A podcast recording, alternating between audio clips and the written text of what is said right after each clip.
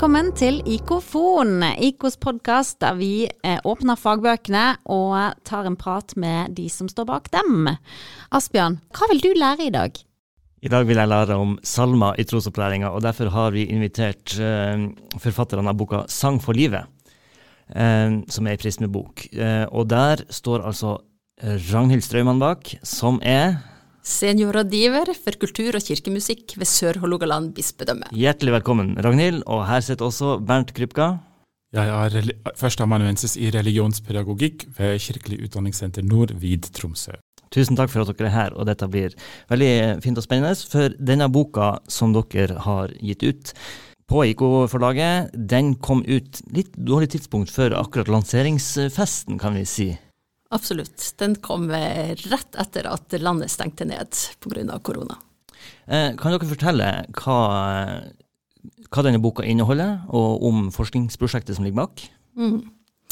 Ja, dette er jo da ei bok som eh, tar for seg salmene og sangen eh, fra ulike innfallsvinkler. Eh, med ti ulike kapitler, eh, skrevet av syv forskjellige forfattere. Eh, sånn at man får både et historisk blikk, eh, språklig blikk, praktisk blikk. Eh, det er en sanger som også er forsker, som skriver om familiekor. Det er en religionspedagog. Det er kirkemusikere. Så det, det er ulike aspekter av det å synge salmer. Og ja, både salmene som fenomen, men også sangen i forhold til det å synge salmer. Um, så jeg vil si at det er ei bok som løfter fram noe som, som, på et vis er litt under press, men samtidig er veldig aktuelt for, for alle som jobber med trosopplæring i Den norske kirke. Så det handler om salmer i trosopplæringen og, og, sangen? I, ja, først og fremst. Ja, først og fremst ja. i trosopplæringa. Mm. Mm. Uh, og hvem er boka for? Hvem har nytte av å lese boka? Alle som på en eller annen måte befatter seg med sang i uh, trosopplæring. Og også altså, gudstjenestearbeid, uh, trosopplæringstiltak, kor. Uh, og frivillige, også ansatte og frivillige som jobber med, med barn og unge. Og det, de fleste bruker jo sang og musikk på en eller annen måte. Så jeg mm. tror dette det er gode, viktige perspektiver som denne boka får med seg. Ja, og når du sier at det er så mange forfattere og så mange kapitler, så viser den en bredde også i, i hvilke perspektiver dere ja. Det er noe for enhver smak, vil jeg si. Mm. Ja. Men det første spørsmålet er hvorfor er salmer så viktig i trosopplæringa? Ja, altså vi kan, vi kan eventuelt her begynne med, med noen funn. Uh, altså, eller, eller, noen sånne generelle observasjoner og funn. Altså For det første så, er, så synges det jo veldig mye i trosopplæringen. Og, og, når vi gikk i gang med dette prosjektet, så var det på bakgrunn av at det, det synges veldig mye, men at det er um, lite kunnskap om hva det egentlig er som synges.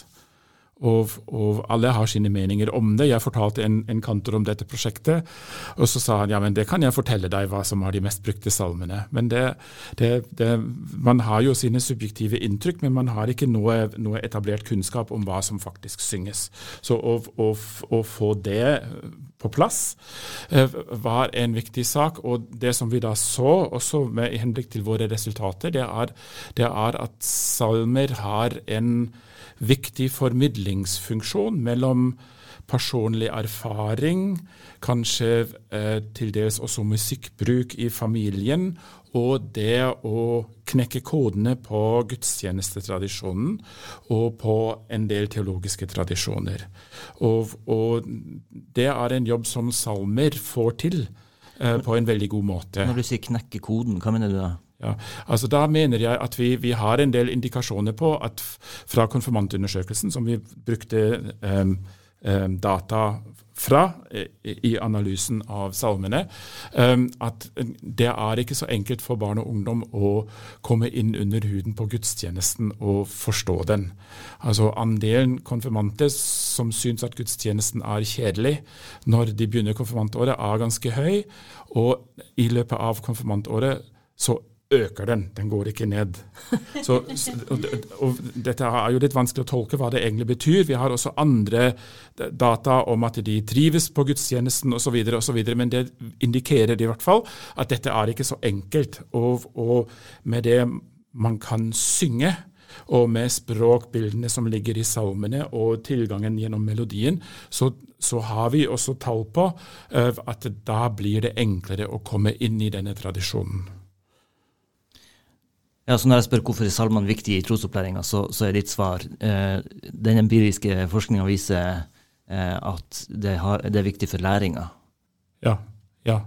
Eh, altså for, for, læring ved at det, altså det har to sider. Altså På den ene siden hjelper det med å komme inn i en tradisjon og på den, en, med religiøst språk og med religiøse bilder og med, med bønnerelaterte uttrykksformer og gudstjenesterelaterte uttrykksformer. Og, og, det da igjen hjelper med å bli mer talefør og uttrykkssterk om, om, eget religiøst liv og eget fromhetsliv. Ja. Man tilegner seg bilder som man, som man, da har bruk for eh, når det røyner på. Salmene inneholder et viktig religiøst språk. Ja. ja. Ja. ja. Og er et viktig religiøst språk. Har du lyst til å si noe mer om salmene som, ja. som kunnskapsinnhold? Uh, når det gjelder ja, kunnskapsinnholdet er jo en viktig del av dette. Uh, men som kirkemusiker og musikkpedagog så, så tenker jeg òg dette perspektivet knytta til sangen. Altså det å synge og oppleve å synge, eh, synge sammen med andre, relasjonsbygging av musikkopplevelsen i seg sjøl, en viktig del av, av dette med salmene. Og det kommer også frem i intervjuene som, som er eh, gjennomført i forskningsprosjektet. Ja. Så sang er også en viktig arbeidsmåte? Ja, det er en viktig arbeidsmåte, men det er også et mål i seg sjøl, ja. kan man si. Ja. Altså det, og det er kanskje noe av det som, eh, ja, som jeg tenker denne forskninga også kan løfte fram. Eh, ja. Det synges jo veldig mye, eh, kommer det frem. Eh, og det synges ekstremt mange forskjellige ting i barnekor. Eh, så hvis jeg skal kan jeg ja, si ja, noe Da kan du om fortsette på, på, hva det er faktisk dere har eh, gjort i, i repertoarundersøkelsen. Ja, for, for det her, vi fikk jo noen forskningsmidler fra Kirkerådet for å kunne eh, se på dette. Og det vi da gjorde, var jo å samle inn repertoar fra 48 menigheter og gjøre intervjuer med seks kirkemusikere og seks eh, kateketer. Seks kantorer og seks kateketer. Og i denne boka så er det først og fremst resultater fra repertoarundersøkelsen som, som kommer frem. Um, men en av de tingene som, som, i hvert fall er tydelig, er at, uh, at det synges veldig mye forskjellig i barnekor. Det var så, så mye som 657 ulike titler som ble samla inn eh, fra disse barnekorrepertoarlistene. Og ja, rundt 530 av de er ikke henta fra salmeboka. Så det hentes fra veldig mange ulike kilder. Men en ting som, som, var spennende der, det var jo at kirkemusikerne velger mer mangfoldig når det gjelder sjanger, enn det menighetspedagoger gjør, f.eks. Det kunne man se. Og også at menighetspedagoger velger litt annerledes i forhold til innhold, og, og um, flere salmer som jeg har kategorisert i det som livstolkning og livsmestringssanger. Ja, Fortell om kategoriseringa som du har gjort av forskjellige ja. typer sanger. Ja, for det, det, var jo ikke så enkelt når man fikk inn så masse forskjellige. Det var 900 og ja, 71 ulike sangtitler å, kunne si det og plassere dette for å analysere det. Så da, da, valgte vi rett og slett å kategorisere innholdet i hovedtemaene til trosopplæringsplanen. Altså kirkens tro og tradisjon, kristen tro i praksis og livstolkning og livsmestring. Selvfølgelig så er det ting som går veldig over i hverandre og sånt, men, og eget skjønn som gjør at man har klart å plassere de på ulike steder. Men, men det var eh, interessant for oss å se eh, noe i forhold til innhold og innholdsvalg. Eh, også kategoriserte sjangerne i klassisk tradisjon, i pop og gospel og vise og crossover, altså andre typer sjangere. Så dette får man da litt presentert i boka, hva, hva som gjøres på forskjellige tiltak. og at konfirmantene og i presentasjonsgudstjenesten de synger mye tradisjonelle ting. Um, man synger, må synge i barnekor for å få synge mye forskjellig. Ja. Mm. Eh, ja, for da nytter det ikke å være konfirmant og, og bare oppleve at gudstjenesten blir kjedeligere og kjedeligere. Ja, ikke sant. Altså det, det som vi så når det, når, når det, kommer til konfirmantarbeid, det var at man hadde en ganske stor åpenhet på eh, repertoar. Um, unntatt når det kom til gudstjeneste. Altså når, når konfirmasjonstidens gudstjenester kom inn, da, da skifta repertoaret til det mer tradisjonelle. Uh, mens det var uh, noe bredere i øvrig konfirmantår. Og Det ser man for så vidt også når man ser på konfirmantbøker og andre materialer fra, fra konfirmanttiden, hvor, hvor um, Eh, en som skrev en analyse av dette for 20 år siden, allerede eh, sa at konfirmantbøker velger temaer som er litt mer rundere i kantene. Og går ikke løs på kjernematerialet. Og, på, og den der spenningen mellom det som er rundt i kantene og, det, og kjernematerialet, det ser vi også i salmevalget knytta til konfirmantåret, hvor det er litt mer rundt i kantene, og, og kjernematerialet når det kommer til gudstjeneste. Men disse tradisjonelle salmene som da mm. brukes i gudstjenesten, vil du kalle de runde kanter eller uh, spisse utfordringer? Ja. det er et godt spørsmål. Altså jeg, på, på, den ene siden så Altså jeg tenker jo at, at um, at uh, ikke alle salmer er like tilgjengelige, men det er veldig mange salmer som er veldig tilgjengelige. Og det er også mange salmer som både musikalsk og, og tekstlig uh, har et veldig godt språk som, som, som, taler til veldig mange mennesker, og som, som, som er et veldig godt hjelpemiddel i å bygge opp et eget uh, språkrepertoar uh, når det kommer til religiøse erfaringer. Så, sånn sett så, så, tenker jeg at det er viktig at konfirmantene lærer disse. Uh, men det går jo ikke av seg sjøl. Så sånn sett så er det nok andre ting som er enklere å begynne med, og, og, og det er viktig å lage en prosess her. Det, det, er jo litt interessant når eh, religionspedagoger og kirkemusikere skal snakke om disse tingene. For, for som kirkemusiker eh, så, så tenker jeg jo sjelden at en, en salme er spiss i kantene eller vanskelig eller utilgjengelig. Og, og det handler jo om eh, at dette er jo noe som, som jeg har eller som kirkemusikere har lært seg og har veldig mye kunnskap og kompetanse på. Um, så, så, og Det er jo en av de tingene som intervjuene også sier, både hos kateketer og hos kantorer, at, at man velger det repertoaret som man sjøl eh, liker best, eller føler at man sjøl behersker. Så her handler det jo også om hvilken innfallsvinkel har man sjøl, altså hvordan er min smak og, og, min kompetanse i forhold til det. Så, så det jeg tenker eh, altså hvis, hvis salmer i alle sjangre og altså, ulike ting skal, skal nå frem, så, så, må man også tilnærme seg det på en eh, litt profesjonell måte. Og, og, tenke hvilke metoder bruker vi. Eh, når Hans Olav Baden eh, forbinder eh, eller eh, setter opp noen forslag på hvordan man kan leke med salme, eh, sangen. og dette er et kapittel i, i, i boka, boka sant? Hans Olav Baden har skrevet. Ja, ja. og det, det, tenker jeg at man kan lage salmekonkurranser, man kan eh, lære konfirmantene å bruke salmeboka og ha Kahoot, salma-Kahoot. Altså det, det, er mange muligheter metodisk som, som, man kanskje ikke benytter seg av, fordi man eh, lett har en sånn inn, innforstått eh, mening om at nei, dette er for vanskelig, dette er utilgjengelig, dette kan vi ikke gjøre. Så, så jeg tror nok at, at, vi som kirke har litt å jobbe med i forhold til kompetanseheving og se både eh, muligheter for variasjon, muligheter for ulike metoder eh, og, og, samarbeid mellom trosopplærere og de som har kirkemusikalsk kompetanse. Ja. Når du, når du nevner sånne tips til, til, hvordan man kan jobbe med, med f.eks. med salmeboka, da, ja. så, så, husker jeg veldig godt en eh, undervisningsøkt med en kirkemusiker som observerte på um, et trosopplæringstiltak for um, ja, ca. tårnagent alder, åt, rundt åtte år, der de fikk oppgave å gå på skattejakt i salmeboka. Uh, bla opp til den salmen, hva handler den salmen om, hvilket kapittel står den salmen i, når er den salmen skrevet, hvem har oversatt den. Um, det, det, var gøy å se, se engasjementet som det skapte. Men nå vil jeg gå til de mest populære salmene. Ja, det er jo månesol. Det er månesol. Det er jo ingen tvil.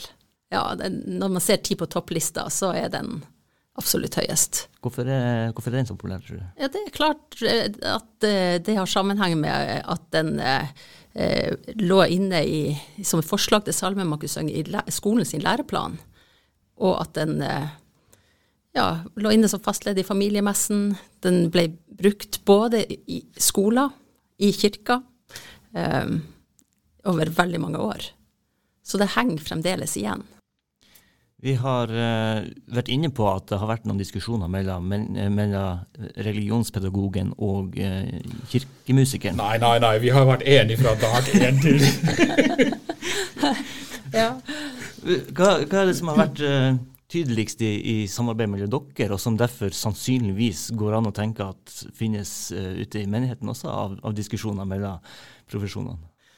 Jo, det er nok uh, litt sånn grunnleggende eh, instinkt for en kirkemusiker å ha em, hjerte for å ivareta tradisjon. At det er en viktig del av det man faktisk læres opp til. Uh, og, uh, og kanskje ha mye fokus på materialet. Det som skal læres. Og det trenger jo ikke, selvfølgelig ikke bare å handle om tradisjon, men, men at man er opptatt av hva barna skal lære. Hvilke ting de skal lære. Innholds, Inn, dimensjon innholdsdimensjonen i- i er viktig. Samtidig som, som man har dette musikalske perspektivet, eller tenker mangfold rundt stemmebruk. ikke sant? Det skal være tonehøyde opp og ned. og altså Man har en del andre perspektiver, tror jeg, eh, inn mot det å synge, enn det eh, Bernt kanskje Ja. kan beskrive. Hva, hva, vil du beskrive da? Ja, altså, som pedagog er man jo da opptatt av det myndige subjektet. Altså at, at barn lærer seg å bli subjekter som bestemmer over sitt eget liv, tar sine egne valg og, og tilegner seg de ting som de trenger. Tar salmene i bruk som livstolkningsredskaper? For eksempel, ja. Og at de, liksom, at de mestrer dette selv og, og er, får det ansvaret de trenger for å styre sin egen utvikling, for å si det sånn. Så man er mye mer opptatt av, av utviklingen av subjektet og utviklingen av barnet. Og tradisjoner, de, de, de er viktige.